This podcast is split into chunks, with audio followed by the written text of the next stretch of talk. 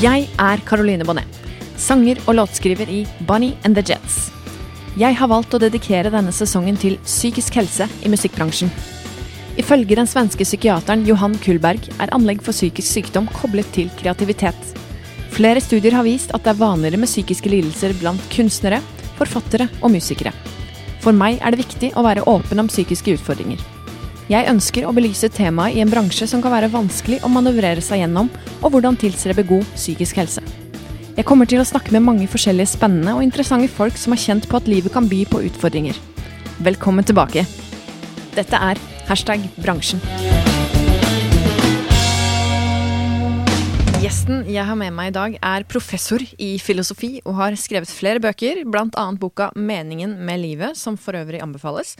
Han har de siste åra fått mye omtale i media, og driver bl.a. Filosofipodden, og Kristoffer og Einar leser Nietzsche med Kristoffer Schou. Han har hele livet hatt en stor lidenskap for musikk, og begynte tidlig å drive med det, og har spilt gitar i flere band, og gjør fortsatt det, nå med noen studenter på Universitetet i Agder, der han bl.a. underviser. Velkommen til Lekerommet studio og hashtag bransjen, Einar Duenge i Bøen. Takk, Karoline. Hyggelig å ha deg her. Ja, i like måte. Veldig hyggelig å bli bedt på en i en podkast som handler om en bransje jeg egentlig ikke er med i. Ja, det, det syns jeg òg. Men fordi den sesongen her har uh, mer et fokus på temaet psykisk helse i musikkbransjen, og jeg gleder meg sånn til å reflektere og snakke om psykisk helse uh, i et filosofisk perspektiv, så jeg tror det kan bli veldig mange gode refleksjoner der. Ja, Men først vi har jo alle en eller annen psykisk helse. Ja, Ja. Det, det stemmer. Men først så har jeg lyst til å stille deg åpningsspørsmålet som jeg tradisjon tro pleier å starte med. Mm. Hva tenker du når jeg sier hashtag bransjen, Einar? Da tenker jeg For det første så blir jeg litt irritert over hashtag. Ja. Jeg er litt lei av alle disse hashtagene, så jeg blir litt irritert av det. Eh, Det er det første. Så jeg tenker ikke så mye, jeg bare føler. Og så føler jeg en liten irritasjon. Ja. Men så sier du bransjen, og da, siden jeg vet at du er musiker, Ja. så tenker jeg hashtag musikerbransjen. ja. At det er det det handler om. Mm. Uh, og at det sikkert handler om alt innen bransjen. da. Løst snakk og øh, samtaler om uh, det å være musiker og lage Mm. musikk og ha dårlig råd og, ja. Det føle seg misforstått og mye, mye riktigheter mange, eh, mange du brutte med der, ekteskap altså. og band og ja. Ja. Men du har jo sjøl vært eh, aktiv i flere band, og kjenn, har du noen gang kjent på en sånn rockestjernedrøm? Helt, ja. ja. Jeg gjør det fortsatt, jeg. Ja. ja. Ja. Jeg har jo flere sånne skikkelig fine gitarer som jeg går ut med i stua og står foran speil og sånn.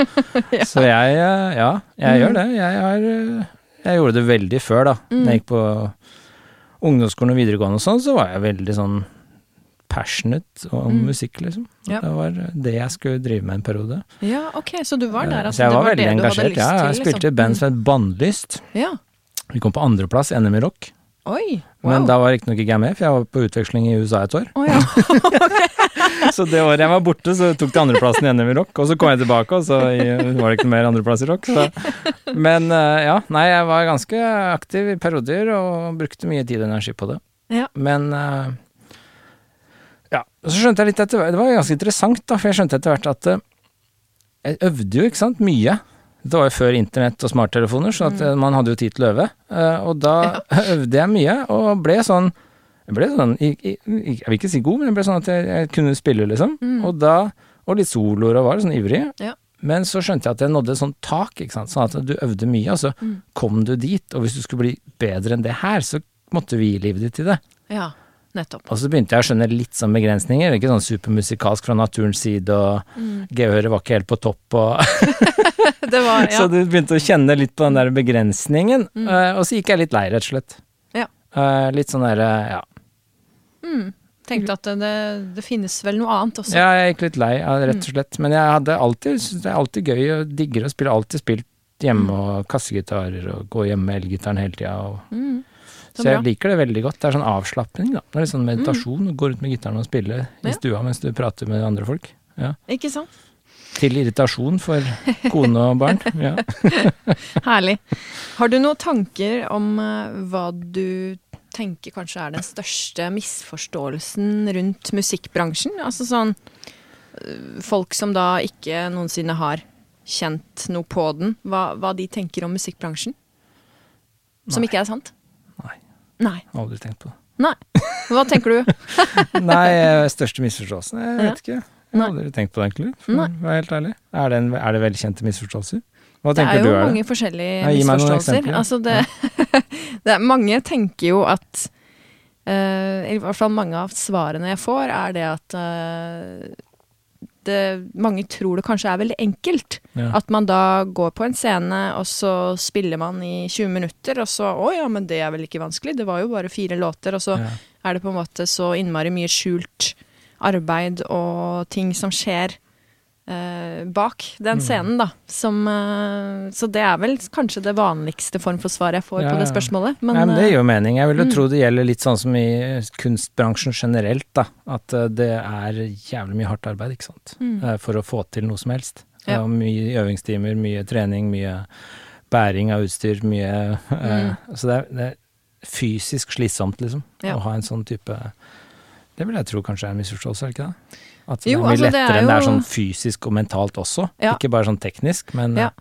eh, jo, det, det er nok sant. Og mye dødtid, husker jeg. Mm. Det var mye sånn Ja. mellom slaga, fordi det du brenner for er de derre to minuttene i løpet av konserten hvor alt flyter og alle går opp i en symbiose og er i flytsonen, og det er liksom et slags nirvana. Ja. Eh, hvor alt du opphører å være, du er bare en Mm. del av bandet. Ja. De to minuttene det fikk til det i løpet av en konsert, det liksom lever du på til neste konsert. sånn var i hvert fall litt min følelse, og det Ja. tror jeg gjelder også litt sånn Mm. generelt i kunst, da. Jeg er jo mye mer opptatt av billedkunst i dag enn jeg er av musikk, da. Men den er, der også er det jo sånn, ikke sant. Du tegner og maler og driver på, og så er det det ene øyeblikket hvor du bare får til det ene bildet som Mm. bare Idet du er i flytsonen, og så plutselig bare går alt opp, og så bare wow, det var uttrykket jeg var ute etter. Ja. Og så Da- lever du på det på de 40 skissene som bare kaster etterpå, ikke sant. ja, det er rart med det. Den flytsonen er interessant, kanskje vi kan Mm, eh, ja. gå litt inn på Ja, det må vi inn på. etterpå. Ja. Men har du noen filosofiske betraktninger om hvordan det står til med den psykiske helsa i musikkbransjen, Einar? Hva tenker du? Hvordan tror du generelt musikere har det? Jeg tror uh, generelt musikere er ganske blakke. det er mitt inntrykk. Eh, jeg kjenner mange musikere og sånn. Eh, det er mye pengespørsmål, er mitt inntrykk. Ok. ja. så det er litt sånn praktisk interessant eh, Mm. for mange. Men nei, jeg Altså, jeg, jeg skal ikke snakke om ting jeg ikke kan noe om, egentlig. Jeg tror det er litt sånn generelt med mye interessant sånn Grunnen til at jeg sa ja til å være med her òg, er at det er mye interessant sånn rundt det der å være i en slags kreativ bransje Ja. Som eh, involverer mye psykiske Interessante spørsmål for psyken, da. Mm. Eh, og i forhold til f.eks. å være i en mer sånn repetitiv eh, situasjon hvor du bare gjør din ting, og så går du hjem, Mm. så er man jo i kreativ bransje, og det gjelder jo ikke bare musikk, det gjelder jo i all form for kunst. Det gjelder på Mm. universitetet hvor jeg jobber, når man skriver artikler, bøker, underviser. Det er kreative prosesser man er i eh, når man skal gjennomføre disse tingene. Og da er det jo Du er aldri off, på en måte. Du har aldri ferie, du har aldri fri. Det er aldri Mm. Egentlig klokka fire når du går hjem, så har du ikke gått hjem. Mm. Det er i hvert fall eh, litt sånn inntrykk jeg har, da. At Ja. du Det er mer en slags livsstil Ja. enn det er en jobb, Mm. eh, sånn sett. Og da er Når man aldri er av og kobla av på samme måte, så tror jeg det kan eh, tære på veldig mange måter, da. Eh, I Mm. hvert fall eh, når det gjelder stress, og når det gjelder oppnåelse, og det gjelder en del sånne ting. Så tærer nok det på en ganske annerledes måte enn det som tærer når du har en 9-4-jobb som du kobler av Mm. klokka fire. Mm. For da er det mer sånn at du blir Kanskje ikke sant, du blir veldig lei jobben, det oppleves litt sånn sisyfusarbeid, meningsløs jobb. Det er mange sånne ting som kan tære på, men når du driver med mer sånn kreative ting, så er det så i hvert fall sånn for mitt vedkommende. Jeg skal, har alltid fem bøker jeg føler jeg må ha skrevet, ikke sant. Ja. Så når det er vinterferie nå, som det har vært vinterferie nå, så har jo jeg bare gått egentlig og stressa mer fordi jeg har tatt litt ferie. Mm. Mm. Og da blir du mer stressa for ikke å få gjort det du skal gjøre. Ja. Slik at eh, jeg tror det er noe med det som kanskje er litt sånn interessant vi kan bore litt i, da. Mm. Dette med at du, eh, du Fordi du skal skape noe, og hvis du er Mm. veldig ambisiøs i tillegg, som veldig mange i kreative bransjer er til tider, da, Mm. så er- handler det om at du alltid er på for å skape noe. Og og det tror jeg Mm. Ja, det har sine sider, da. Interessant. Musikk som terapi, hva, hva tenker du om det? Er det mm, altså musikk eller kunst, eller det trenger jo ikke nødvendigvis være bare musikk, men, men hva, hvilket forhold har du til det, eller hva, tenk, hva tenker du om det? Jeg kjenner faktisk noen som forsker på musikk som faktisk terapi. Oi! Altså for sånn type Alzheimer og sånn. Ja. Ja, ja. Det er ganske interessant. Nei, men det jeg tenkte mer sånn generelt, er jo Mm. at det er veldig Altså, det fungerer jo veldig som, som en terapi, og hvorfor gjør det det? Er Ja. liksom det interessante, Mm. syns jeg, da. Ja. Eh, og hvorfor fungerer kunst som en form for terapi? Mm. Og det handler jo om, tror jeg, da, en form for kommunikasjon. Det handler om en form for gjenkjennelse, at du kommuniserer noe, gjenkjenner noe. Mm. Så når du hører en låt som treffer deg veldig, hvorfor føles det så godt? Jo, det føles akkurat like godt som når du leser en roman som treffer deg veldig, eller du ser et maleri som treffer deg veldig. Mm. Det samme poenget, egentlig, at du gjenkjenner noe som du kjenner på, som du liker, eh, og da føler du deg litt mindre ensom. Mm. Fordi det er noen som kommuniserer med deg Ja. om akkurat det du føler. Den traff deg, ikke sant. Den låta treffer meg. Mm. Så det er noen andre også som har lagd det her og tenkt og følt på det her, og som treffer deg. Mm. Og da føler du deg rett og slett litt mindre ensom. Det er et ganske sånn interessant aspekt også i litteratur. Når du leser de store bøkene, så er det sånn Mm. Kjenner igjen en karakter i en roman, og så er den skrevet på 1700-tallet, 1800-tallet. Ja. Også var veldig mange romaner på 1700-tallet. 1800-tallet. Mm. Så er det sånn Hva er det du gjør som gjør at du kjenner igjen den karakteren? Jo, hvorfor er det så digg, da, å kjenne seg igjen i den karakteren? Det handler om at du, du er Du føler deg sett og forstått på et eller annet nivå.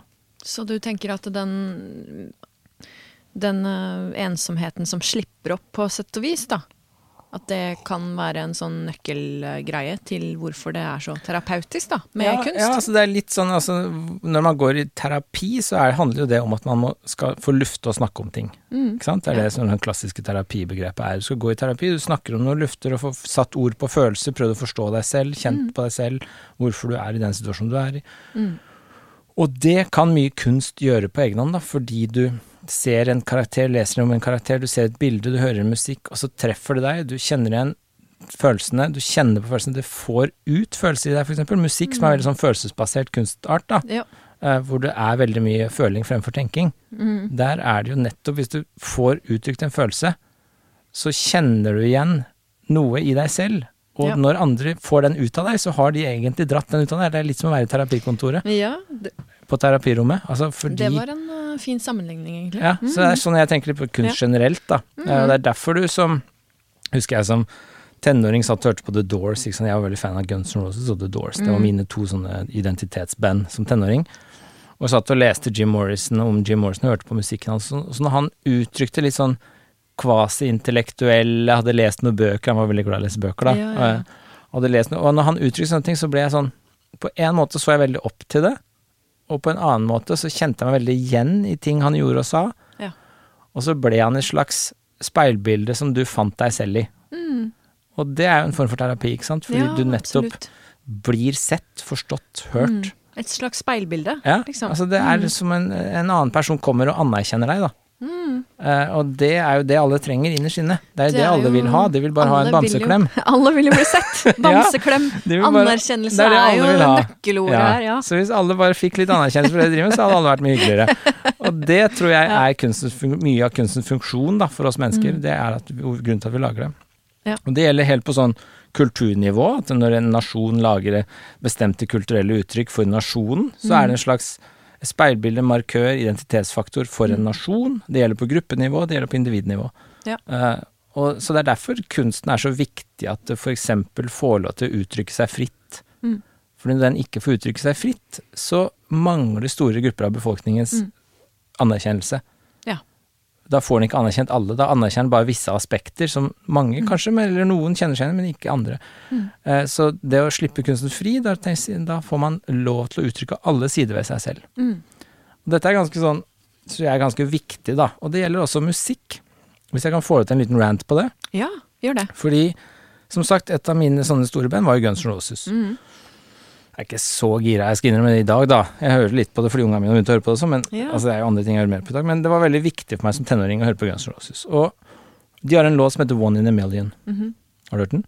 Det har jeg sikkert. Jeg er veldig den er på dårlig på noen låttitler. Lies-albumet, Ja. som var det lille albumet som kom etter Appetite, da. For okay. å tilfredsstille fansen litt. Ja. Før liksom Use Your Illusion kom. Mhm. Og der er det en låt som heter One in a Million, og den har jo tekst, da, som er ganske sånn Axel Rose på sitt eh, mindre sympatiske. Okay. I den forstand at den har, noen sla, den har noen setninger og påstander som litt, har vært litt sånn Blitt kalt rasistiske, de har blitt kalt litt sånn homofobe. Okay. Han sier noe om homofile og om ja. svarte afroamerikanere eh, eh, som eh, bruker N-ordet, for eksempel, da, som ikke Ja. skal bruke lenger. Ja. Ikke sant? Så han sier noen sånne ting i den sangen, da. Uh, og så den ble liksom veldig mye kontrovers rundt den. Mm. Og den sangen har jeg tenkt litt på, for det er, for det første er det en god sang, da, så melodien og alt er en god sang, liksom, men teksten er veldig kontroversiell. Og den tok de vekk når de ga ut Appetite i ny sånn boksversjon nå. Aha. Da fjerna det, var ikke den med. Okay. Alt annet var med, med masse ekstramateriale, nye låt, Mm. andre opptak og sånn. Ja. Den låta var bare borte. Ikke politisk korrekt. Ja. Ja. Så, og da tenkte jeg innerst inne at Axel Rose først Og han er jo helt kompromissløs. Hvis du kjenner til Axel Rose, er han, han er jo helt vill, ikke sant? Han er, har jo et veldig sånn eksentrisk ja, han helt sånn eh, Han har ingen hemninger. Når han først vil noe, så er han gæren, liksom. Ja, nettopp. Ja. Helt sånn, han er som en sånn Ja, han er helt hemningsløs. Mm. Men da følte jeg han svikta litt. Ja. Fordi Ikke fordi jeg syns den teksten var så fantastisk flott, men det handler om Altså, hvis man leser teksten, da, Mm. så handler det om han som egentlig rent beskriver, helt sånn deskriptivt, hvordan det var for han, som en small town white boy, kaller han det, Mhm. som kom inn til LA Ja, som ok. tenåring. Som Ja. 19-åring eller noe sånt. Mm. Og så beskriver han den opplevelsen. Mm. Og så da bruker han jo en del uttrykk Ja. som folk brukte. Ikke sant. Eh, som kan, ikke er stuereint lenger, og det er jeg helt fan av. Det er ikke stuereint lenger, men det blir brukt. Og det Mm. Handler om at eh, hvis den ikke skal få lov til å være med lenger, Mm. så legger man et lokk på en følelse Ja. som veldig mange small town white boys i USA har når Ja. de kommer inn til LA. Ja. Og det er en faktisk følelse. Mm. Mm. Og da kan vi, selv om vi ikke burde ha, eller de da, burde ha den følelsen, Mm. så er det en følelse. Og da er det litt farlig når man sier sånn som at musikken At man ikke skal gjøre det. At man ikke skal Mm. ha det kunstuttrykket, fordi da har man ikke den anerkjennelsen for de følelsene. Ja. Og da legger man lokk på det. Og Og når man legger lokk på det, så blir det som en dampkoker. Mm. Eh, og det blir skummelt. Så at det, det er noe av det viktigste med den frie kunsten, er å få lov til å uttrykke den. Ja. Og så kan vi heller diskutere og si hvorfor vi ikke liker den. Mm. Men det er kjempeviktig at den sangen får lov til å uttrykke, fordi den uttrykker faktisk godt hva veldig mange føler. Mm. Det er det som er det farlige her. Ja. At vi legger lokk på det. Ja, Slik at det er et slags sånn utløp for det. Og når den sangen tolkes riktig òg, så er den ikke rasistisk. Nei. Så det er bare sånn derre Altså, det, det er snakk om bare å forstå hva han egentlig prøver å uttrykke. Ja, Han sier sant? ikke at du bør ha sånne følelser. Han sier ikke at noen er mindre verdt. Det er ingen form for rasisme der. Det var det er sånn bare han en- følte det da. Ja, det er ren hans- deskripsjon. Det er ren Ja. beskrivelse av hva han følte. Mm. Og det er liksom sånn jeg ser på kunst som terapi, da. Mm. Og det gjelder spesielt musikk, fordi det er så allment tilgjengelig og så bredt. Det er kanskje den kunstformen som flest forholder seg til. Det kan være, ja. Mm. slik at det er så viktig at den musikkformen får lov til å utfolde seg fritt. Mm. Mm. Eh, også i tekst og sang. Eh, slik at det Ja, så jeg, jeg mener ganske mye om akkurat det der, da. Mm. Eh, så man må tillate på en måte musikk som man selv ikke liker, da. Man Ja. er mer tolerant når man tolererer det man ikke liker. Enn når man er så tolerant at man utelukker det man ikke liker.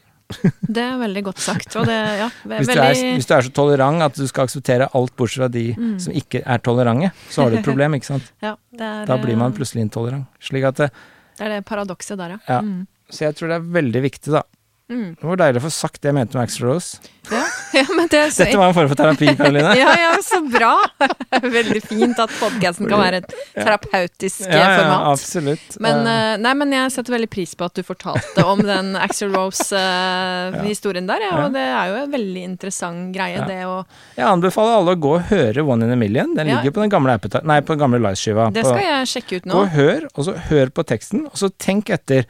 Er dette egentlig rasistisk, eller Mm. er det bare et fritt uttrykk for noe han føler? Mm. Og skal det, du ikke få lov til å føle det? Ja. Hva skjer da, hvis vi ikke Mm. får lov til å føle det vi føler? Ja, Ikke sant? Det, Selv de kjipe følelsene. selv de kjipe følelsene.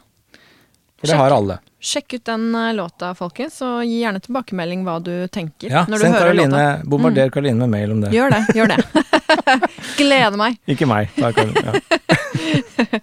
Men Eh, I introen, som du kanskje la merke til, så nevner jeg jo både mm, at musikkbransjen er eh, bestående av nev nevrotikere, eksentrikere og alle slags snodige outcasts. Mm.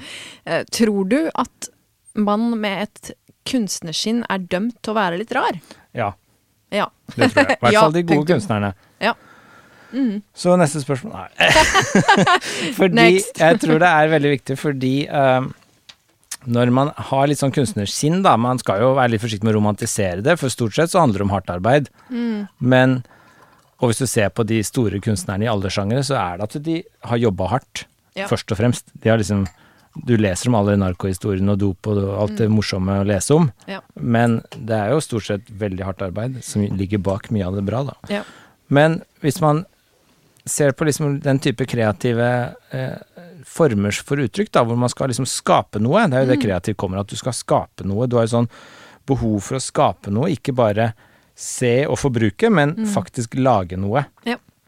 Og det er liksom to typer mennesker, ikke sant. Det er de Mm. kreative og de ikke kreative. Ja. Eh, og Ja. det uh, Tror du det finnes uh, lik andel av begge to? Bare sånn digresjon. Ja, jeg tror alle mennesker er kreative til en viss grad. Ja. Så jeg tror det er en sånn gradsforskjell, da. Ja. At alle er kreative. For det å være kreativ handler jo om å skape noe. Vi skaper jo alle noe. Vi skaper våre egne liv, om ikke Mm. Ja. annet. Slik at alle er liksom litt kunstnere på et eller annet nivå. Fordi de kler på seg om morgenen, bare. Så de, så de skaper jo noe. Bare du fikser håret ditt, så har du Sant skapt nok. noe. Sant nok. Så alle er litt, og så kommer det grader, da.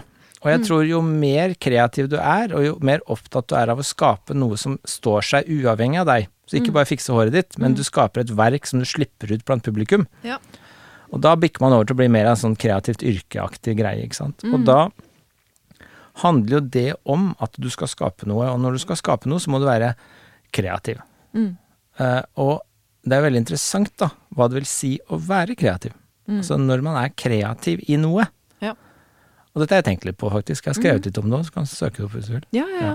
Det er, hva er kreativitet? Jo, fordi sånn jeg forstår kreativitet, så må du Du må være For å være kreativ, da, så må du være Delta i en aktivitet. Det okay. kan være musikk, sport, sjakk, det kan være alt mulig rart. Lage Ja. middag, det kan være veldig mye rart. ja. Du må gjøre noe. Du må være med i en aktivitet. Ja. Og den aktiviteten som du deltar i, eller driver med, Mm. den må ha et slags mål. Ja. Det kan være ganske vagt, sånn som å lage middag. Eller det kan være å skape musikk. Eller det Mm. Ja. kan være å bygge et hus. Det kan være alt mulig rart. Men Mm. det må være et mål, som må være det vi filosofer kaller en intensjon bak. Mm. Du må, det må være et eller annet du skal gjøre. Ja. Altså Det kan ikke bare være eh, eh, For eksempel hvis du går tur i skogen, da. Ja. Bare uten mål og mening. Du bare Mm. går en runde. Ja. Så er det veldig vage mål. Mm. Det kan kanskje være å få litt frisk luft. Ikke sant? Da har du et mål. Mm. Men eh, da er det så vagt at det blir mindre interessant å si han gikk tur på en veldig kreativ måte.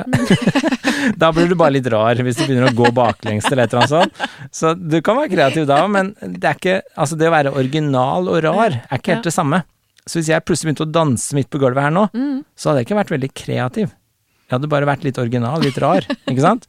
Ja. Fordi det hadde, passer ikke inn i det vi driver med. Nei da, det hadde vært litt uh, Litt bisart, Ja, kanskje. det hadde bare vært rart. Ja. Eh, og dette blander jo folk litt, for det, de tenker på det å være kreativ som det å være veldig original. Ja. Og det tror jeg er feil. ja, ikke sant, for det, er, det går et skille der, ja. Du kan, hvis du skal være kreativ, så må du være litt original. Det skal vi se nå snart. Mm. Men hvis du er original, så må du ikke være veldig kreativ. Nei. Nei. Så veldig mange moderne kunstnere innenfor sånn modernistisk kunst, da, som jeg ikke er så veldig stor fan av, mm. der er jo originalitet og det å være rar, original og nyskapende, det er liksom først og fremst målet. Ok. Og det er ganske uinteressant. Ja. For det har ikke noe med kreativitet å gjøre. Det har ikke noe Nei. med Nei, nei, nei. Så at det, det er for meg litt sånn Mm. misforstått. Ja. Eh, Men hvis du skal være kreativ, så er du del av en prosess, en aktivitet, Ja. som har et mål, og du deltar i den. Mm. Det er ikke alltid du behøver å være klar over det, da. At det er målet ditt. Så når du står og spiller i et band, eksempel, så er det Mm. ikke sikkert at du er veldig bevisst at nå er målet mitt å spille en sang. Det er ikke sånn Nei, det nei, foregår. Men du er i en aktivitet, nemlig Ja. det å spille på en konsert, eksempel. Mm. Og da er det en aktivitet som har et visst mål, Ja. selv om ikke alle er klar over det. Mm. Og når du driver med denne aktiviteten, så er det å være kreativ, da. Det handler jo da om at du jobber mot å fullføre det målet til den aktiviteten. Ja. Og så gjør du det på en måte som er litt overraskende eller ny. Mm. Mm. Og, det, og du gjør det på en måte som er litt overraskende og ny, som fremmer det målet. Ja. Altså at det gjør, det, gjør det, det er til det gode for det du skal oppnå. Ja, Det er ikke bare at du begynner å danse når du Mm. egentlig skal spille gitar. Mm. Det, sant? det er Du gjør noe som faktisk fremmer målet. Ja. Og det du gjør for å fremme det målet, er litt originalt. Mm. Da er du kreativ. Ja, ok, ok. Så det er det det handler om. Så hvis du er kreativ når du lager middag, eksempel, så gjør du det på en litt annen måte, men det Ja. blir en bra middag. Ja. Men hvis du alltid gjør ting på en litt annen måte, så blir det alltid verre. Mm. Da er du ikke veldig kreativ. Nei. Da er du bare rar. Ja, ikke sant? Så det er det Ja, ja. Det er ganske interessant da, å prøve å liksom skille disse begrepene litt fra hverandre. Fordi Absolutt. det å være kreativ da, det innebærer jo egentlig å være litt rar. Mm. Selv om jeg gjorde litt narr av de som bare var rare. Men du, men det innebærer å faktisk gjøre noe som fremmer målet du driver med, på en litt original måte. mm. Og hvis du skal gjøre det, så må du tenke litt annerledes. Ja. Du må tenke litt utafor boksen. Mm. Du må slippe deg litt løs. Ja, ikke sant? Og det betyr jo egentlig at du må ha litt mindre hemninger enn de Mm. som bare følger tradisjonen. Ja. Enn de som bare følger regla. Mm. Enn de som bare gjør det de skal. Ja. For du, da kommer du ikke til å gjøre noe nytt og spennende. Nei. nei. Så du må være litt rar, skal du være kreativ. Mm. Og det kommer i grader her, tror jeg. Ja. Og så er det noen som er veldig kreative. Og så er det noen som er bitte litt kreative. Og så er det noen som er kreative innenfor et lite område, men gørr kjedelig på alt annet. Mm. Ja. Så det, det kommer i grader og variasjoner og mange dimensjoner. Men. Så jeg tror det der å være i en sånn kreativ bransje, da, det er eh, Det er ganske sånn eh, det, det krever en viss form for originalitet, da. Mm. Hvis du skal gjøre det bra. ja, ikke Hvis du skal gjøre noe interessant. Mm. Eh, men også har du de som er veldig sånn standard, lager en låt som er helt sånn klassisk popoppskrift. Alt er Mm. helt likt som alle andre poplåter, ikke sant. Samme beaten, samme lyden, samme rytmen. Ja. Dama ser akkurat like pen ut som alle de andre. Mm. Uh, autotuna. Ja. Litt sånn robotbabystemme. Ja. Og så er det som en hit. ja, ikke sant? Det er, er det sånn er det originalt? Ja. Det kan man jo stille Ja, men da er det ganske uinteressant, Ja, for da ja. går det bare inn i mengden av alt annet. Og så Mm. kan det være en god låt og fengende og sånn. Jeg, jeg, jeg må innrømme at jeg har hørt litt på den Miley Cyrus Flowers i det siste. Ja. Jeg synes det er sånn fengende. Jeg blir så glad når den kommer på radioen og sånn. Det er sånn feel good poplåt. ja, jeg vet ikke om jeg har hørt den, men det det sånn har jeg sikkert. artig feel good, men det er jo sånn standard poplåt. Det er jo ikke noe veldig spennende. Nei. Men den følger oppskrifta på en god måte som gjør at det, det, det, det, det gjør det riktig, da. Det appellerer på et vis Ja, det treffer vel, noe som er velkjent oppskrift. Så du lager suppe etter oppskrifta, og så smaker det sånn det skal smake når du lager tomatsuppe. Ja, ikke sant. Det er noe med det. Det er den universelle oppskriften, da, som du nevner at Men det, er ikke noe veldig spennende. Som, nei, nei. Men det er jo det som appellerer til ganske mange, da. Hvis man ser på altså streamingtall og artister som Ja, gjør det bra og sånn, altså, så er det jo en viss form for uh, samme type oppskrift ute og går. Mm. Ja. Og jeg tror det er viktig at du følger en viss grad oppskrift, for du kan tenke deg at du drar det for langt i motsatt retning, så Mm. du skal lage en låt, ikke sant. Og så Ja. gjør du noe helt annet, følger ingen oppskrift. Mm. Det blir bare rart. Ja. Og det er helt sånn atonalt og urytmisk, og da, Mm. da går du ikke. Nei, nei, nei. Så du må følge til en viss grad, og så må Mm. du treffe, men så må du treffe det målet du vil fremme på en litt annen måte enn alt annet. Ja. Da blir det litt mer spennende. Ja. Og det er sånn jeg tenker på kreativitet. Spennende tanker. Uh, syns du det er en menneskerett å skape? Ja Jeg syns jo det er en menneskerett å være fri, og da Ja. er det jo en menneskerett å få lov til å være fri til å skape, så jeg tror Ja, det. Ja. Men uh, jeg tror ikke det er en menneskerett å få skape hva man vil. Nei. Slik at jeg tror ikke det er eksempel en menneskerett å få lov til å bli finansiert til å lage veldig sært teater som ingen går og ser. Det tror jeg ikke er en menneskerett. Nei, Altså, det, det godt- høres jo litt sånn Du skal få lov til å lage hvor sært teater du vil, men hvis Ja. ingen kjøper billett, Ja. så kan du ikke forvente å bli sponsa på det. Nei. Sånn tenker jeg litt. Det, det, det syns jeg egentlig høres litt sånn fornuftig ut, Ja. da. For det Slik at jeg tror ikke det er veldig mange kunstnere som klager litt, spør meg, da, om at Mm. de liksom Ja, hvorfor får jeg ikke støtte og Ja, ditt og datt, ja. eh, Mm. du kan lage hva du vil, men eh, man har jo ingen menneskerett til å bli likt, da. Nei. Og det er et problem at alle skal bli likt i våre Mm. dager. Uh. Ja, ikke sant. Det er jo, det er jo også en egen diskusjon, for så vidt. Den uh, krenke, krenkingskulturen og det å Ja, så alle, alle Man vil bli likt, ja. hvis man bare først og fremst vil bli likt, så syns jeg det er ganske interessant. Men hvis du skaper noe som gjør at folk liker det, så er det Mm. kjempeinteressant. Ja, ja. Også hvis du skaper noe som ikke alle liker, det er kjempeinteressant. Og det er Ja. viktig liksom, at folk gjør sånne rare ting òg. Mm. Men det er ikke noe menneskerett å få lov til å drive med det du vil. Det tror jeg ikke er noe menneskerett. Jeg tror det er menneskerett å få lov Nei, jeg tar tilbake. Det er menneskerett Ja, å få lov til å drive med det du vil, men Ja. det er ikke noe menneskerett at alle andre skal akseptere og like det du driver med. Nei. Det var det jeg mente. Og i den forbindelse så er det jo da musikk selvfølgelig som er mest aktuelt her. Er det, tenker du at det er eh, en menneskerett å gi ut musikk? Nei. Nei. Nei. Det tror jeg ikke. Altså Nå er det veldig lett å gi ut musikk som alt Ja. annet, da. Du kan bare legge det ut. Men Mm. Så sånn sett er det jo blitt veldig sånn allment akseptabelt. Men det er jo ikke noe menneskerett. Altså jeg tenker på menneskerett veldig sånn grunnleggende rettigheter alle Ja. mennesker skal ha, og det skal være likt for alle og sånn. Ja. Og det er jo ikke å få ut i musikk. Jeg syns ikke liksom mine foreldre skal få lov til å drive og utgi musikk. Altså Jeg syns ikke det er noe rett for dem hvis de plutselig skal få lov til det. De må jo liksom fortjene det litt, da. Så jeg syns det har sine grenser. Jeg er litt skeptisk hvis vi tenker at alt skal være en menneskerett. Det Ja. tror jeg er litt feil. Det er å dra det litt langt. Ja, jeg tror det er veldig få menneskerettigheter, faktisk. Jeg tror det er sånn veldig få det er sånn type rett til friheten til å være deg selv. Det har du rett til. Ingen Ja. skal arrestere deg for den du er. Men du har ikke ikke sånn rett rett til å å få lage dårlig kunst. Ja, du har rett til det hjemme hos Ja. deg sjøl, men du har ikke rett til å få stille ut, liksom. Nei, nei, det er noe med det. Du har ikke rett til at folk skal like det du lager, eller kjøpe det, eller betale deg. I forhold til det å gi ut ting, da, så får jeg opp uh, det derre kjøleskapstegningfenomenet. Altså, Ja. Eller den sammenligningen der at man som barn tegner en tegning, og så er man da veldig spent på hvordan mor og far eh, stiller seg til den tegningen, om det da blir hengt opp på kjøleskapet eller Ja. ikke.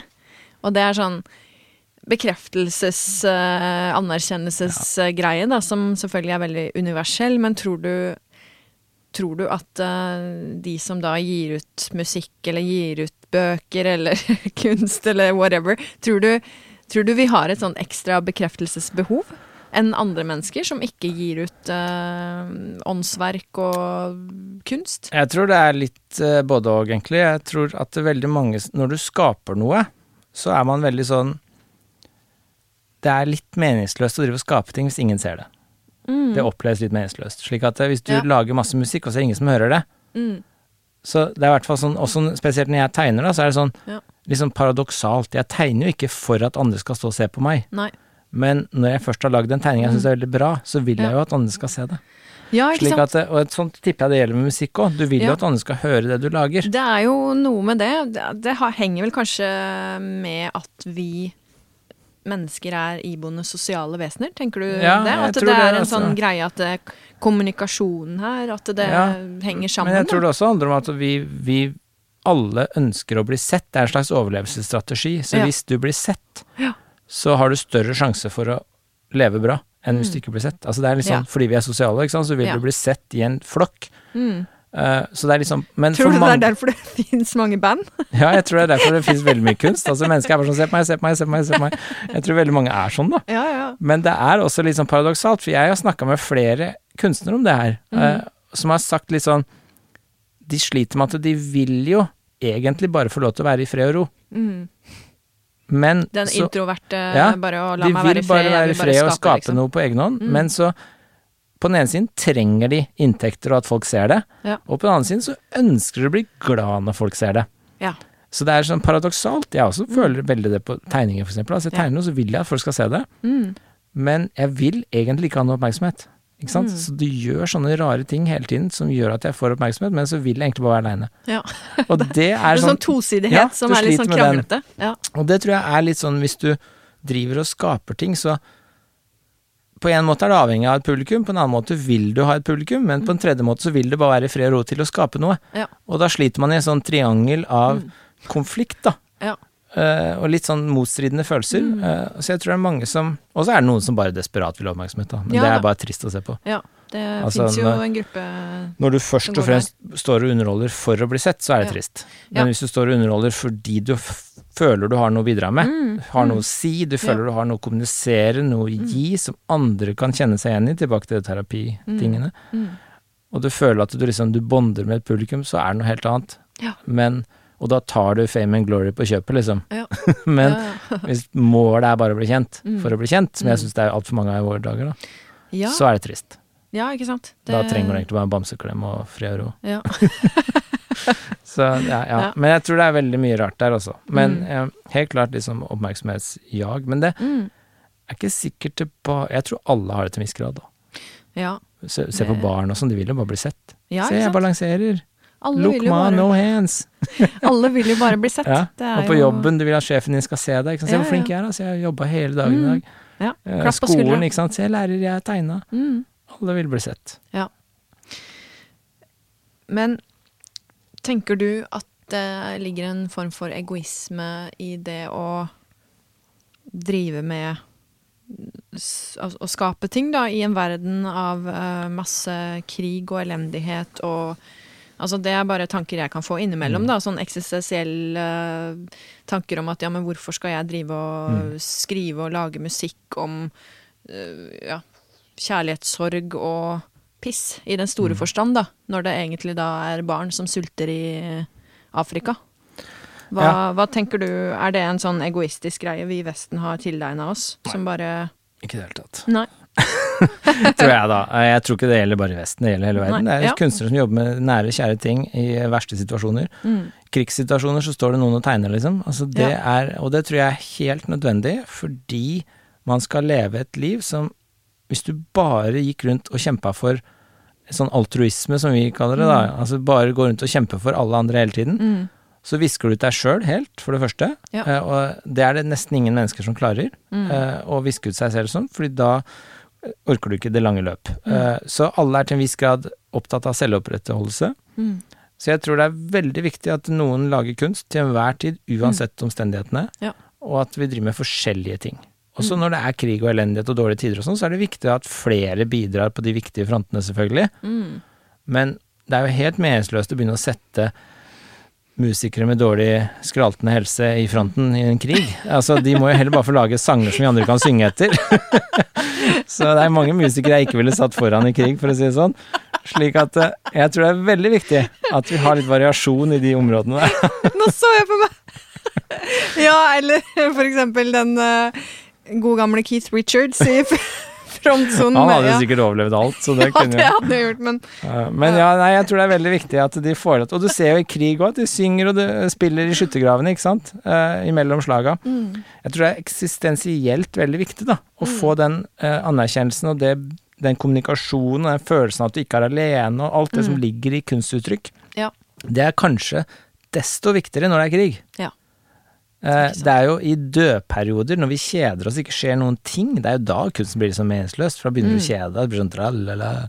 Men det er først når liksom det blir viktig, og det står noe på spill, Ja. da er kunsten viktig. Så Mm. jeg tenker det er nesten motsatt. Kjempeviktig at vi driver med Mm. alle mulige kunstuttrykk når det er sånne Mm. kjipe ting For det er det alltid, så. Mm. Kjipe ting som skjer. Godt Så, svar. og så en annen ting med egoisme som er veldig Ja. interessant, da.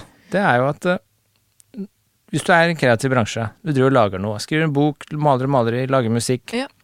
så er det veldig lett å tenke at du er egoistisk, du driver bare med ditt. Ja. Og så lever du på andre og har dårlig råd og liksom snylter litt Mm. på skatten, og du er liksom du er en Mm. egoist. På en måte er jo det sant, Ja. men på en annen måte er det ikke sant. Fordi når du står og lager musikk, og står og spiller en konsert, eller du står og maler et maleri, Mm. så i hvert fall min erfaring, og mange sånne malere jeg snakker med, da, det er at de tenker jo nettopp ikke på deg selv. Du Mm. står jo og tenker på tegninga di. Ja. På sangen du spiller, på musikken. Du står og tenker på det prosjektet du er en del av, og det Mm. du lager. Mm. Det er det du står og tenker på. Ja. Og det er derfor du ser jo kunstnere Grunnen til at det er så gøy å lese kunstnerbiografier, er jo fordi personene går jo til grunne Ja, i kunstjaget sitt. tenk på det. Så de er jo ikke egoister. Egoister på en måte er jo de som tenker på seg selv. Ja. Men de gode, store kunstnerne tenkte jo ikke på seg selv, de tenkte på kunsten de lagde. Mm. Og så gikk de til grunne i forsøket på å lage det. Ja. Og det er jo det motsatte av egoisme, fordi du retter det du jobber med utover, vekk fra deg selv. Ja, du glemmer rett og slett den egenomsorgen. Ja, Mm. og det er det motsatte av egoisme. Mens det mange tenker på, er jo bare kontrasten mellom det vi kaller altruisme og egoisme, altså det at du Mm. tenker på andre mennesker ja, ja. ja. versus deg selv. Absolutt. Det er en kontrast. Ja. Og kunstnere kan nok være litt mer egoistiske i den retningen, for de tenker på seg selv i form av at jeg skal lage kunst, fremfor å hjelpe hele nabolaget mest mulig. Ja, ja. Men de er jo ikke egoister i den forstand at de tenker på seg selv, for det gjør de egentlig ikke. De Nei, ikke da. De tenker på liksom kunsten de Mm. lager. Så sånn sett er det antiegoistisk. Ja, og så er det jo liksom paradoks også, da, med tanke på den her eh, gode gamle behovspyramiden, da, hvor eh, altså egenomsorg, mat og ja, søvn og Mm. de helt basale behovene som alle har, Det er liksom sånn man tenker at ja, når det er på plass, så kan man jo da begynne å tenke på Ja. den såkalte selvrealiseringen, da, som er toppen av den her eh, pyramiden. Men det er jo ja, veldig mange eksempler på de store kunstnerne som da har eh, rett og slett ja, ignorert de her eh, grunnleggende behovene fordi de har blitt for oppslukt og for opptatt av prosjektene de er i, da. Så det, Er det ikke også litt sånn at når du egentlig når du ikke har det så bra, det er da det blir bra kunst? Jeg har inntrykk av at det er en greie. Jeg syns du har det veldig bra, du liksom har det helt Ja. topp og er lykkelig og Ja. er mett og god og varm og, og har er- masse penger og Nei, Det er jo litt sånn her, hva skal jeg skrive om nå, liksom? Ja. Nei, det er eh, jeg, tror, jeg tror ikke det finnes så veldig mange bra låter som er skrevet i den sinnstilstanden altså der. bare se i våre dager, da. Se på alle de milliardærene og rikingene. Hvor er den bra kunsten de lager? Jo, den fins ikke, den. Ja, nei, men det er et godt poeng. Se på de fattige, de som liksom Ja. er eh, Mm, har dårlig råd. ja. Der kommer det mye bra ut. Mm, mm, Så jeg tenker det er litt sånn røffe tider som kan være bra for kunst, ja da, men mm. det er unntak her også. Ja, ja, ja. Men, Jeg leser en eh, biografi om Lucien Freud nå, han maleren. Ok. Barnebarnet til Sigmund Freud. Ja, nettopp. Britisk en av de største malerne i forrige århundre, 1900-tallet. Ja. Og han var jo liksom alltid satt godt i det, ikke sant. Ja, ja okay, Men det blir jo ja. kjempestort. Eh, Men hva var grunnen til at han hadde det kjipt, da, tydeligvis? Nei, det virka ikke som han var så veldig kjipt heller. Det virka bare som han var liksom bare genuint opptatt av å male og kreativ og så folk og Så det fins unntak. Ja, Du må ikke være fattig fra rennestein for å bra kunst. Men Mm. statistisk sett, da, så er det jo ikke de rikeste 1% som Nei. lager den beste kunsten. Nei, det Slik at jeg tror ikke det materielle må på plass, da. Men Mm. det er jo en kjent greie. Aristoteles, den greske filosofen, sier det Mm. samme. Du må Ja. først ha klær, mat og hus, mm. og vann. Ja. Så kan du begynne å tenke. Ja, Ikke, Ikke sant? sant? Ja. Men det er noe med at du kan nok begynne litt tidligere, tror jeg da. Mm. ja, ja.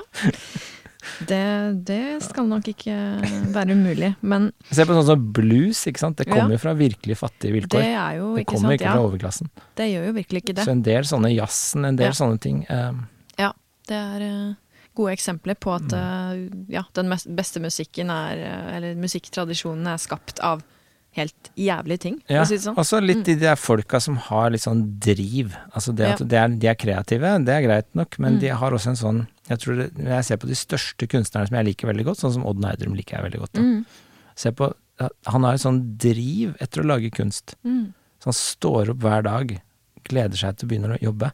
Ja. Og liksom har en sånn derre Altså det er en sånn tørst som ikke slukker, da. Mm. Eh, og den indre kraften som bare liksom springer ut uten at den, den slukker, den er Mm. ganske imponerende. Ja. Og den tror jeg mange har, da. Og da kan jo mange gå til grunne når de leser om store biografier sånn Mm. Van Gogh og en del Ja, sånne store ja. folk, så går de til grunne, for de klarer ikke helt å kontrollere den der kraften, ikke sant. Stemmer det at han skjærte av øret sitt? Ja, han mista et øre, og så ble han skutt. Litt ja. sånn uklart om han skjøt seg sjøl, ikke man daua da, til slutt. Okay. Litt sånn halvveis selvmord. Hm. Men han skjærte av seg øret, ja. Sendte det i posten, tror jeg, til eh, Ja. Var det Gauguin? Han sendte i posten til en eller annen, ja. Ja, Mm. nettopp. Det Speisa saker. Ja, ja. Nei, men det er liksom at den Du mister litt kontrollen på den kraften, da. Mm, Det tror jeg kan skje ganske mange som blir sånn overivrige. mm, mm. Litt sånn carried away i din kreative prosess. Ja. Jeg vet at du har nevnt eh, begrepet generasjonsdepresjon eh, som en sånn slags eh, tanke om det at kanskje noen har vanskeligheter med å tilpasse seg tiden, eh, da med tanke på alle de tekniske eh, oppfinnelsene, holdt jeg på å si. Altså alle det duppedittene som fins, og alt som har skjedd da på veldig, veldig kort tid, sett i verdenshistorien. Ja. Eh, og hvordan man egentlig Mange kanskje kjenner på at det er vanskelig å skulle tilpasse og forholde seg til det uten at det nødvendigvis blir en følelse av å kanskje være litt sånn fremmedgjort til selve greia. ja, altså jeg har vel brukt flere forskjellige begreper på Ja. det samme, tror jeg. Altså, Ja. det, det også kulturdepresjon var vel Det var, det var kanskje det, det du var sa. det jeg likte ja, bedre. Det var det du likte Eh, bedre. Jeg endte opp med det, men jeg tror jeg har brukt flere uttrykk på det også. Men det var Mm. det jeg likte bedre. At det, Kulturdepresjon. litt Mm. den der at det, er litt sånn jeg kjenner på meg selv, og så snakker jeg med andre, og så er veldig mange enige, og så blir det et begrep ut av det. Ja. Uh, og kulturdepresjon, sånn jeg tenker på det, er litt sånn at man føler man Altså et veldig illustrerende eksempel er at jeg står opp om morgenen, så er jeg veldig sånn positiv og gleder meg til å begynne å jobbe, og Mm. progressiv og åpen for alt, og kjempeliberal, og liksom nå er alt helt topp. Ja. Og så utover dagen Da så blir jeg bare mer og mer egentlig deppa, da. Og Mm. mer og mer konservativ og tenker alt var mye bedre før og sånn. Fordi Ja. jeg, jeg syns liksom at det butter imot på veldig mange ting som jeg aldri har bedt om, eksempel. Altså en Ja. del sånn teknologiske duppeditter, en del teknologiske innovasjoner, Ja. en del kommunikasjonsverktøy på jobb, en del sånne ting som var med, som vi aldri har bedt om, for det første. Mm. Og for det andre så var det ment å effektivisere ting, men så Mm. er det egentlig bare veien. Ja. Eh, og da blir jeg mer og mer sånn deppa, at jeg er i en verden hvor jeg ikke hører hjemme lenger. Mm. Dette var ikke det jeg ba om. Ja. Og litt sånn, og det gjelder alt i kulturen, ikke bare teknologi, men det gjelder litt sånn Jeg ser på underholdningsbransjen, jeg ser på hva som er på hitlisten i musikk, jeg ser på, så tenker jeg sånn Dette her er jo ikke veldig interessant. Mm. Dette er ganske overfladisk og ganske dumt. Ja. Og da blir jeg deppa. Mm. Så man passer liksom ikke inn i kulturen lenger. Mm. Og så er alle løp rundt deg krenka for alt. Mm. Og blir Altså, det er overfølsomme Altså, det er Jeg tenker Det er litt sånn jeg mener med kulturrepresentant. den kulturen man lever i Man skulle ønske man levde i en litt annen kultur.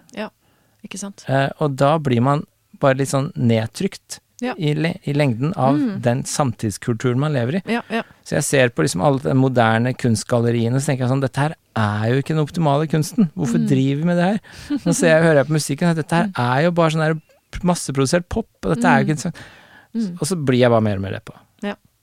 Eh, og det er det veldig mange som kjenner seg igjen i. Jeg har snakka med noen, holdt foredrag og, og Mm. spør folk og sånn, og det er veldig mange som tenker sånn Ja, det Mm. er For forskjellen er jo at jeg er ikke klinisk deprimert. Nei, nei. Det er ikke sånn at jeg må ta øh, kontrollere kjemikaliene i hjernen for jeg er deprimert. Det er ikke Mm. det, vet du. Det er det at du du blir bare nedstemt av alt som foregår rundt deg, Mm. heller enn at du, du er mørk til sinns. Ja. For jeg våkner og er veldig positiv til sinns. Ja. Egentlig en gladgutt. Ja, så bra. Og så ser jeg rundt meg, så blir jeg bare mer og mer trist utover dagen. Ja. Og det tror jeg veldig mange som kjenner seg igjen i i våre dager. Og jeg tror det skyldes delvis teknologien, fordi det har gått så fort. Mm. bare på 20 år så er vi i en helt annen situasjon i hverdagen Mm. enn vi var før Tenk for 20 år siden. Og ingen har bedt om det. Nei. Ingen har, det, er ikke, det er ikke et tilfelle hvor vi er sånn som 68-generasjonen, da, som frigjorde seg fra konvensjoner fordi de selv valgte det. Fra Ja, en sånn sant. indre kraft. Mm. Så sa det 'vi skal frigjøre og så dansa nakne rundt i Ja, Woodstock. ja, la oss eh, leve og være frie. Ja, og da er det den- var en positivt lada greia. Ja, og da er det fra dem selv. Mm. Mens det er ikke det som har skjedd med f.eks. sosiale medier og smarttelefoner og teknologiske duppeditter. Det er noen andre som har sakte, men sikkert servert oss og gitt oss og bedt oss. Det har kommet slags- utenfra. En slags kollektiv tvangstrøye. Ja, og så kommer det utenfra, Ja. ikke innenfra. Og Mm. da er det lettere å bli deprimert fordi du Ja. blir kua. Men kanskje det kan komme noe god kunst ut av det, da. Det kan være. Ja. Og det er jo det mye bra som har kommet ut av det. eh, Mm. Men uh, selvfølgelig. Altså, jeg syns jo mye musikk låter tøffere. Jeg syns jo mange gitarer låter tøffere i dag enn på 50-tallet. Jeg må innrømme det. Ja, ja, ja. Og det skyldes jo delvis teknologi. Men Mm. alt med måte, da. Ja. Men jeg tror det er ganske sånn interessant det derre hva kommer innenfra, Mm. og hva kommer utenfra. Mm. Og jeg tror alt det som blir dytta på deg utenfra, det kan gjøre deg mer nedstemt Ja. enn det som kommer innenfra. Og det er derfor det er viktig å finne tilbake til hva er det som springer innenfra og ut, ikke Mm. utenfra og inn. ja. Og Hvordan det- skal man finne ut av det, da? I en Det eh, komplisert verden hvor all informasjon bare Ja. lasses på deg Ja. døgnet rundt, liksom. Nei, det er veldig vanskelig, men jeg Mm. tror må Jeg tror det er viktig at man ikke glemmer at det er et valg, da. Altså, Mm. jeg har et valg når jeg plukker opp smarttelefon. Du har det, Jeg faktisk. har et valg når jeg Det er, ingen, det er, altså, det er ikke et fascistregime som sier du må ha det, Nei, nei, nei. men i praksis er det veldig vanskelig å ikke ha Ja. det. ja, det er jo Men det. det er et valg. Ja. Eh, og det samme gjelder egentlig veldig mye teknologi. Det er et valg om jeg vil spille inn digitalt eller analogt. Ja. Det er faktisk et valg. Det er det. Eh, slik at eh, Mm. Men i praksis så sier folk ja, men det er jo ikke et valg fordi det er veldig vanskelig. Liksom. Hvis du ikke er på Facebook, så blir du ikke bedt på fest, og du blir glemt Mm. og sånn. Ja. ja, det er dilemma. Det er jo dilemmaet. Men det Mm. er et valg. Og hvis Ja. vi glemmer det, ikke glemmer det, så tror jeg forbrukerne kan gjøre en forskjell. Da. Absolutt. Og så er det jo også et valg å kanskje bevisstgjøre seg mer da, på Mm. disse her handlingene man eh, gjør knytta til f.eks. touchtelefon og Mm. sosiale medier. Da. Altså, apropos Facebook og den slags, så er det jo klart at når man eh, hvis, man skulle få, hvis man skulle se på det, første ting man gjør på morgenen, så er det jo ganske sykt egentlig at man da tillater sånn 200 ukjente stemmer bare bombardere rommet Mm. ditt med sine ting og sine bragder og Ja, ja. sine medaljer, holdt jeg på å si. Det er jo ganske sykt. Ja. Sjekker du telefonen før- første du gjør i morgen? Nei, det gjør jeg ikke. Nei, For det er et godt spørsmål. Mange sier liksom sånn er å stille folk det spørsmålet. For Ja. de som røyka veldig mye før, da, eller de som Ja. røyker i dag òg, Ja. det er sånn de første de gjør, er å få seg en sigg, ikke Ja, sant. Og da er du avhengig. Det er Psykologene sier ofte at da er du avhengig. Hvis det absolutt. første du må gjøre er å få en sigg før du klarer å konsentrere deg. Og veldig mange har det som en smarttelefon. Første må gjøre er å sjekke telefonen. Ja. Da har du et problem. Og det er liksom Det er på en måte Ja, den bevisstgjøringa der tror jeg mange har godt av å tenke på, da, og ja. Så Telefonen har jo flymodus. Den har jo flymodus. Den har Du kan sette den på flymodus. Mm. Eller du kan, eh, sånn som jeg når jeg skal skrive ferdig en bok, så er jeg veldig bevisst på at når jeg står opp om morgenen, så gjør jeg, sjekker ingenting, ikke mail, ikke telefon, ingenting, før klokka Mm. ti. Nei. Og da står jeg opp sånn halv åtte alltid, og så Ja. jobber jeg da fra halv åtte til ti. Ja. Før jeg gjør noe som helst. Mm. Tar bare en kaffekopp, sitter i pysj eller truser og jeg sitter i, Ja, ja, og bare jobber til ti. Og så begynner hverdagen. Ja. Og Da spiser jeg, dusjer, går på jobb. Mm. Og da er jo dagen ødelagt, ikke sant, for da, da kommer alt inn. eh, da er alt støyet Da er det bare en nedadgående kurve fra da, før du legger deg. Men kanskje du får en god halvtime før du legger deg, ikke sant. Men bortsett fra det. eh, Og det tror jeg er sånne valg, Mm. da. At man bevisstgjør seg på hva passer seg. Hva Mm. passer deg, da. Ja. Når er du mest kreativ? Når passer det deg å få lov til å sitte og spille? Hvis du har Mm. lyst til å bare sitte og spille på en kassegitar i et, og en, en mikrofon uten at du skal ha alle mulige tekniske duppeditter i ødelegge, Mm. gjør det, da. Ja, ja, ja. Den tida på dagen det passer best, ikke sant. Nei da, det er viktig å være bevisst sine valg her i den uh, Når er du mest kreativ? Når jeg er mest kreativ? Um, på kvelden, På kvelden, faktisk. Ja. Så det er eh, ikke helt sånn der eh, natterangling. Det, man er blitt for voksen til det. Men Ja. eh, sånn sein kveld, eh, det er Før ni, bra. liksom. Før, før fem over ni. Ja. Kveldsnytt, er det slutt. Ja. Nei da, men kvelden er ofte en kreativ tid på døgnet for min del. Men hva tenker du sånn i kreative prosesser, da, så når du f.eks. skal skrive ferdig en bok, er det sånn at du da har best av å isolere deg over lengre tid? At du liksom Ok, nå må jeg bare kvitte meg med alle distraksjoner og skrive ferdig. Ja, dette har jeg diskutert med mange, faktisk. For dette varierer veldig, er min erfaring. Altså, jeg, klar, jeg kjenner noen som isolerer seg på hytta i 14 dager for å få ferdig manuset. Ja. Uh, jeg er ikke sånn. Hvis jeg isolerer meg i 14 dager, så blir jeg utrolig deprimert og Mm, ensom og mm. savner alle mennesker og alt. Så jeg liker å være aleine, men jeg liker å være aleine så lenge jeg hører folk i etasjen under meg. Skjønner du? Ja, Så, hvis jeg drar ut i skauen og er på hytta aleine, så blir jeg bare deppa, jeg er mørkeredd, og jeg får liksom. Ikke sove, og det er liksom ikke noe hyggelig. Nei. Så for mitt vedkommende er det mer sånn jeg står opp sju og sitter i to timer nede på kjøkkenet før de andre står opp i løpet av en sommerferie. Da fikk jeg skrevet ferdig bokmanus. Ja. Uh, eller at jeg isolerer meg på kontoret mellom ni og tolv hver dag, så sjekker jeg Ja. ikke mail, telefon, jeg slår av alt. Ja. Slår av telefonen, så jeg føler at døra er lukka, da. Ja, ok, så du gjør Eh, sånne fysiske ja, jeg gjør tiltak, sånne på en måte? f- tiltak, men Mm. jeg klarer ikke sånn 14 dager. Jeg Nei. gjør det sånn tre timer. Ja. Så Fire er- timer. Jeg kan gjøre en hel dag av og til, men ja, altså, ja, ja. det har gått en hel dag uten at jeg har sjekka noen ting, hvis jeg er Ja. veldig sånn in the flow. Men Ja. Jeg, klarer, jeg er ikke av typen som gjør en uke, eksempel. Det kjenner jeg mange som gjør, da. Ja. Men det fikser ikke jeg. Da går det Ja, jeg blir bare deppa av det. Mm. Jeg må Men du er jo med andre ord ganske strukturert òg, da. Egentlig. Siden du klarer de her to timene på morgenen og bare Ja. ok, nå skal jeg skrive, og så starter dagen med Ja, når andre jeg ting. først bestemmer meg for det, så er jeg det. Mm, ja. Mm, Da klarer jeg det. Imponerende. Men jeg tror Ja. Men jeg tror det er viktig. Jeg kjenner en som skriver én time hver dag hele året uansett.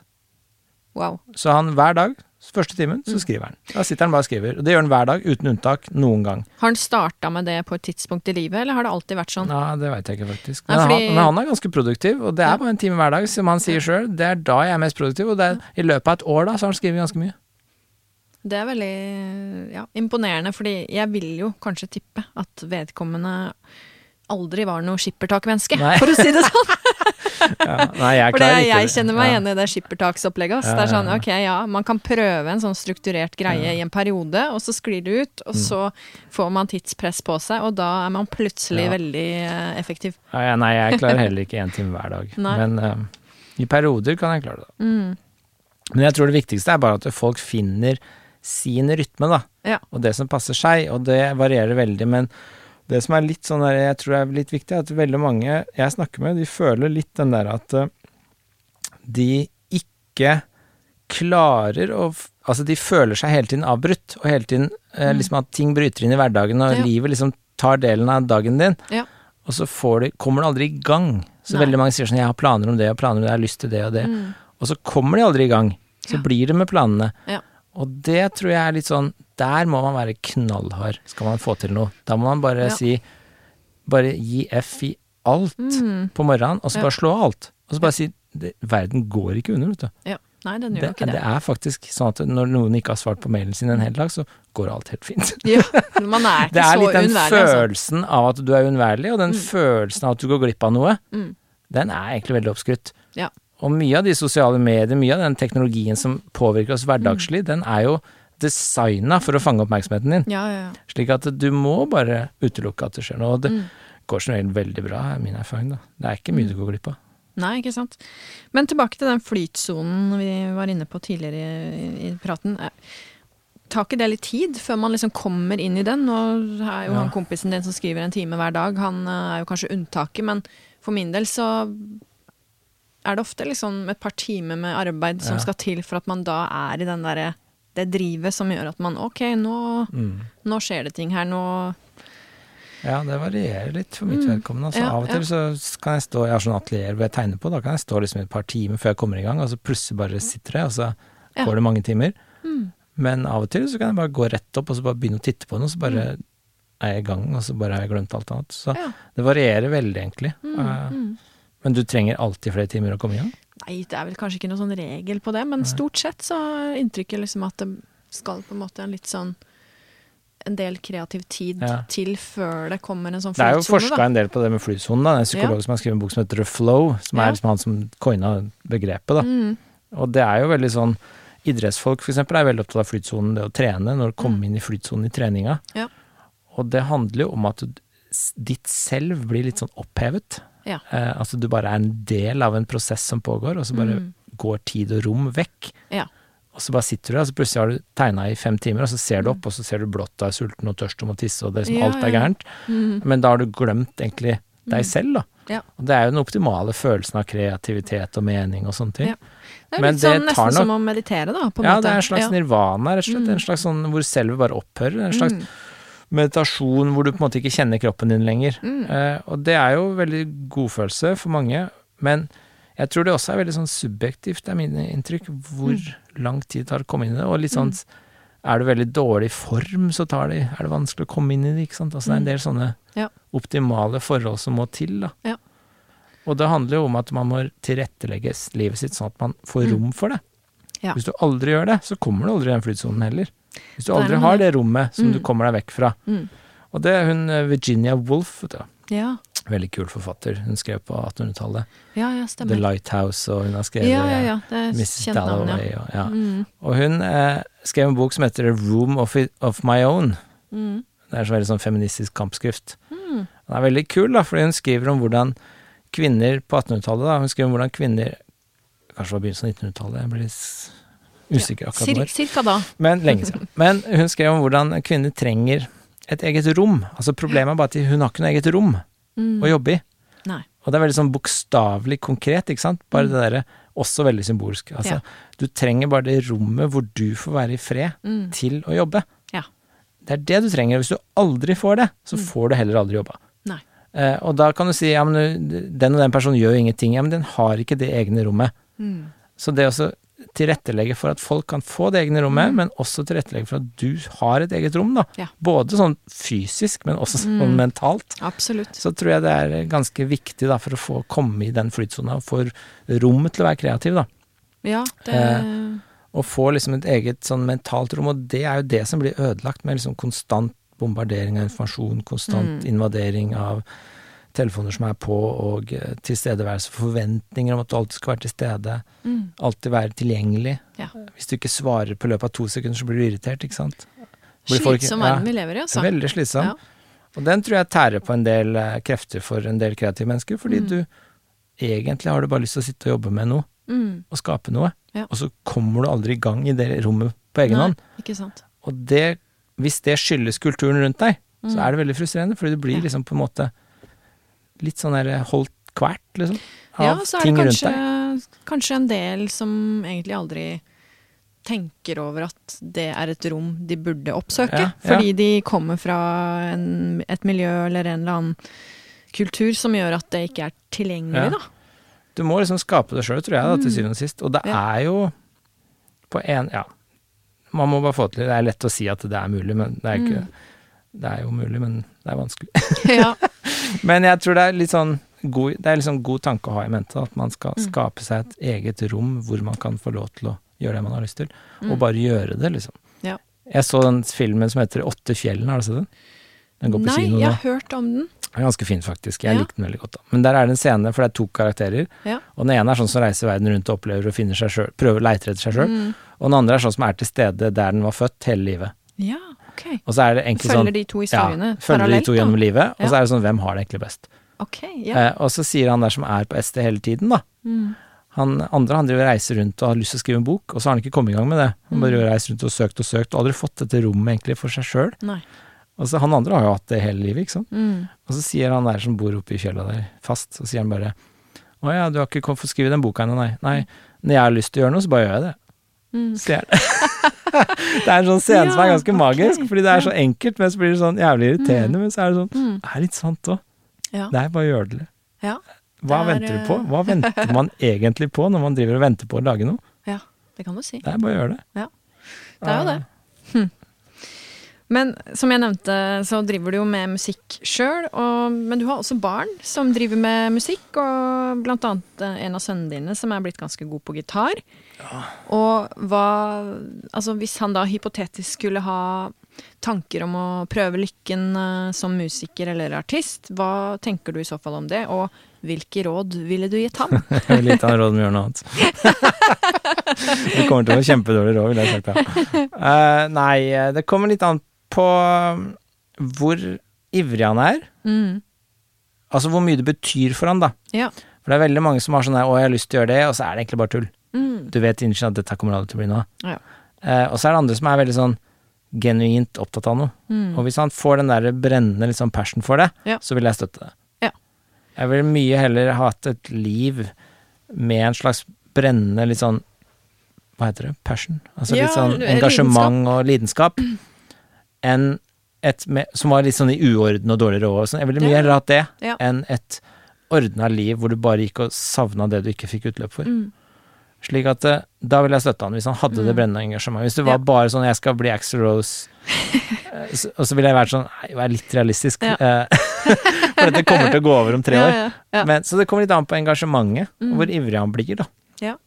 Eh, men jeg støtter helt klart et sånn type kreativt liv, da, fordi jeg Mm. tror at det er mye mer meningsfullt. Mm. I hvert fall hvis du har en sånn brennende kraft som kommer ut av det, fra innsida og ut, Mm. Så tror jeg det er veldig deprimerende å ikke få utløp for den. Mm. Jeg begynte Ja. å klø i halsen. Nei, men det var veldig fornuftig.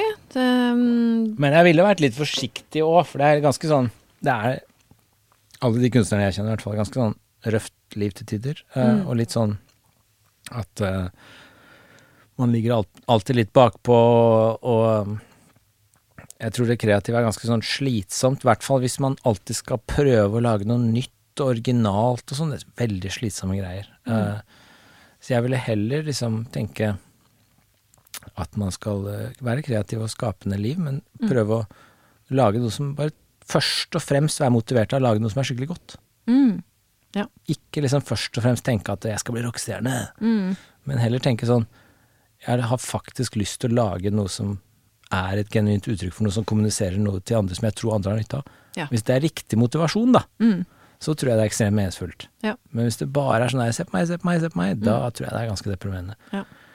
Så jeg ville, jeg ville analysere ungen min først, før Ja. jeg Du får gjøre det. ga et godt råd om hva han skulle gjøre med det. Jeg snakka med en musiker som sa det var mye morsommere å være hobbymusiker, fordi da han drev et studio, da, så han hadde fast jobb, og så sa han han var hobbymusiker, og da syntes han det var mye morsommere, fordi da kunne han bare leke. Det var bare gøy. Mm. Men han syntes når han hadde prøvd å være profesjonell musiker, så hadde det blitt så seriøst, og så hadde det Ok. blitt så stressende, og så Han syntes det var mye mer digg å bare være gøyal musiker. Ja, ja, ja. Uh, og det er klart Jeg skjønner hva han sier. ja. Uh, Nei da, alle finner jo sin balanse i det, det er helt klart. Som du var inne på, det er ikke en menneskerett å leve av musikk. Nei. Bare fordi man har lyst. Det er jo ikke det. Så jeg vet ikke, hva ville du sagt? Hvilke råd ville du gitt? Oh. Du er Jeg- jo musiker. ja. Nei, uh, ikke gjør som meg. Nei da. Nei, altså det, det, er et, det er jo ikke en enkel vei å gå. Det å skape ting og gi ut og Det er jo et sånt kjør, Ja. på sett og vis, som kan være veldig slitsomt, men som også er veldig sånn givende. Mm. Så Men det viktigste i livet er jo å følge hjertet, da, og Mm. gjøre det man har lidenskap for, og som gir mening, som du Ja. sier. Så Nei, altså, er det riktig motivasjon, så tenker jeg at uh, tommel opp. Ja. ja. Nei, jeg tror det er optimalt liv er liksom det hvor du får deg til å følge et eller annet du brenner for. Da. Mm, mm. Samme hva. Hvis en av mine barn sa jeg har skikkelig lyst til å bli snekker, jeg brenner for å snekre, Mm. håndverk, så ville jeg vært sånn skikkelig kult. Det går vi for. Ja. Men hvis han sa liksom jeg skal bli advokat fordi da tjener jeg så mye penger, men jeg syns Ja. jeg er gørr kjedelig, så vil jeg være sånn dette er ikke en god idé.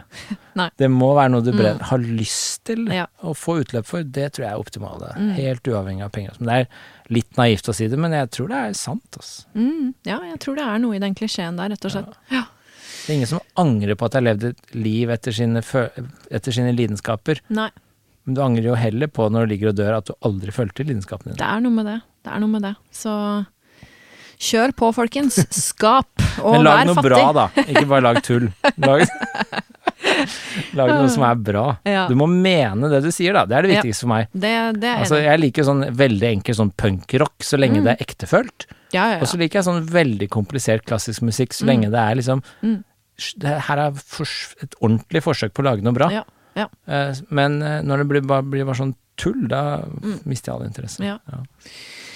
Tusen takk for at du kom hit og skravla med meg om musikkbransjen, som du sa sjøl at du egentlig ikke sånn sett har noe veldig forutsetning Nei, for å snakke om, men jeg syns vi kom fram til mye interessant og Men jeg tror det er interessant paralleller til kunstverden generelt. Da. Ja, ja, ja, så kjenner jeg jo mange musikere, men ja, Ja. veldig interessant. Mm. Nei, men uh, takk for det, og så lykke til med videre prosjekter. Tusen takk for at jeg fikk være med her.